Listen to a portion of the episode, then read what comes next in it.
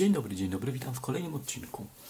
W różnych miejscach przychodziło mi je kręcić. To mógł być samochód, ognisko, kopanie rowów, las, pociąg, a dzisiaj pokój hotelowy. Dlaczego? Dlatego, że żeby dostać klucz albo kartę do pokoju hotelowego, musimy się w nim zameldować w tym hotelu. I to jest dla nas oczywiste. Ale gęsiej skórki dostajemy, kiedy przychodzi najemca i pyta o to, czy może się zameldować w mieszkaniu, któremu wynajmujemy. Czym jest meldunek? Kogo dotyczy? Czy są w ogóle jakieś profity płynące z tego, że zamelduję się w danym mieszkaniu? Czy ja jako właściciel mogę się nie zgodzić? Czy najemca musi mnie w ogóle pytać o to, czy może się zameldować? Czy w związku z tym, że się zamelduje, nabywa jakichś dodatkowych praw? Czy w związku z tym, że się zameldował, ja jako właściciel mogę mieć jakiś dodatkowy problem, gdyby na przykład przestał płacić? No, temat meldunku obrósł naprawdę ogromną ilością mitów. I żeby to wyprostować, postaram się dzisiaj opowiedzieć dokładnie, jak z tym meldunkiem jest. Jeżeli uważasz, że to jest dla Ciebie interesujące, to zapraszam do oglądania. Drobna dygresja dla tych wszystkich uwielbiających wszechobecne wtręty z języka angielskiego, ten language, te korporacyjno-nowomowy.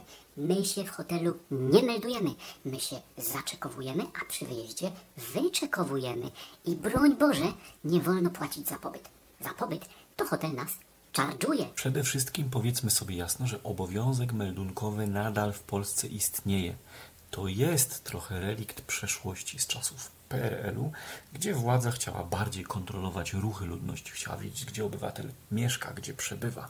Na dzień dzisiejszy to już trochę straciło na znaczeniu. Myśleliśmy w okolicach 2015, kiedy z nowych dowodów znikały adresy zameldowania, że ten obowiązek zostanie zniesiony. Ale w dowodach adresów zameldowania nie ma, a obowiązek nadal istnieje. Każdy, kto mieszka na terenie Rzeczypospolitej Polskiej, musi być gdzieś zameldowany. Oprócz miejsca zameldowania pojawia się takie pojęcie jak miejsce zamieszkania. I ja wcale nie jestem zobowiązany, żeby mieszkać w miejscu zameldowania. Zresztą bardzo często jest tak, że ponieważ studiuję w innym mieście, albo pracuję w innym mieście, albo podróżuję do innego miasta z różnych innych powodów, miejsce zamieszkania jest kompletnie różne od miejsca zameldowania. I to zupełnie normalne. Warto jeszcze mieć świadomość, że możemy mieć maksymalnie dwa meldunki. Jeden meldunek taki stały, a drugi czasowy, jeżeli w danym miejscu planujemy przebywać dłużej niż 3 miesiące. Ważne też z punktu widzenia właścicieli mieszkań wynajmujących mieszkania, na przykład najemcom z Ukrainy, jest to, że obcokrajowiec, jeżeli zamierza gdzieś przebywać dłużej niż 30 dni, to musi się w tym miejscu zameldować maksymalnie do 4 dni od przybycia. Oczywiste, że w głowie każdego z nas pojawi się pytanie. Jeżeli z jednej strony jest obowiązek meldunkowy, ale nikt tego nie sprawdza i nie ma żadnej kary, to po jaką cholerę się meldować? No i jest kilka, co najmniej kilka powodów, dla których czasem warto wziąć to pod uwagę. Kredyt. Jeżeli ja jako inwestor będę chciał wziąć kredyt, to bez meldunku nie ma takiej opcji. Gdybym był inwestorem bezrobotnym i chciał się w Urzędzie Pracy zarejestrować jako bezrobotny, to bez meldunku nie dam rady. Trzecia rzecz to wybory. Zakładam, że co najmniej część z widzów to świadomi obywatele, którzy regularnie biorą udział w wyborach i bez meldunku nie ma opcji, żebyśmy się znaleźli na liście wyborców. Pomyślmy o naszych milusińskich. Czasem dodatkowe punkty, żeby nasze dziecko dostało się do szkoły, albo do przedszkola, albo do żłobka, bierze się stąd, że jesteśmy zameldowani na terenie danej gminy. A tak prosta rzecz, jak choćby zniżka w przypadku komunikacji, w przypadku korzystania z komunikacji miejskiej. Ona też może być uzależniona od tego, czy jesteśmy zameldowani na terenie gminy, która takie zniżki oferuje dla mieszkańców zameldowanych na jej terenie.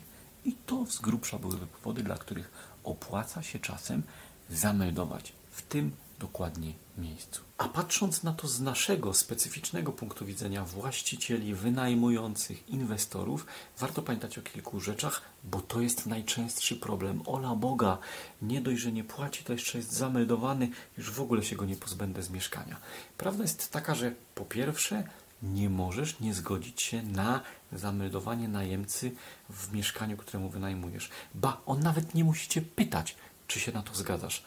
Jeżeli pójdzie em, do urzędu z umową, to w oparciu o tę umowę urzędnik zamelduje go, no to będzie ten tymczasowy meldunek.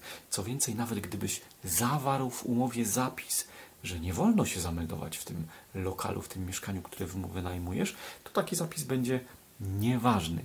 Po trzecie, to, że najemca jest zameldowany, nie daje mu żadnych ekstra praw, nawet w przypadku, gdyby przestał płacić i dochodziło do procesu eksmisji. Więc z naszego punktu widzenia zameldowanie najemcy w mieszkaniu, któremu wynajmujemy, nie rodzi żadnego ekstra dodatkowego ryzyka. I warto o tym pamiętać. Pozostaje jeszcze ostatnia kwestia, czyli wymeldowanie. Po pierwsze, najemca ma obowiązek zrobić to w ostatnim dniu pobytu. Ale co jeżeli nie dopełni tego obowiązku?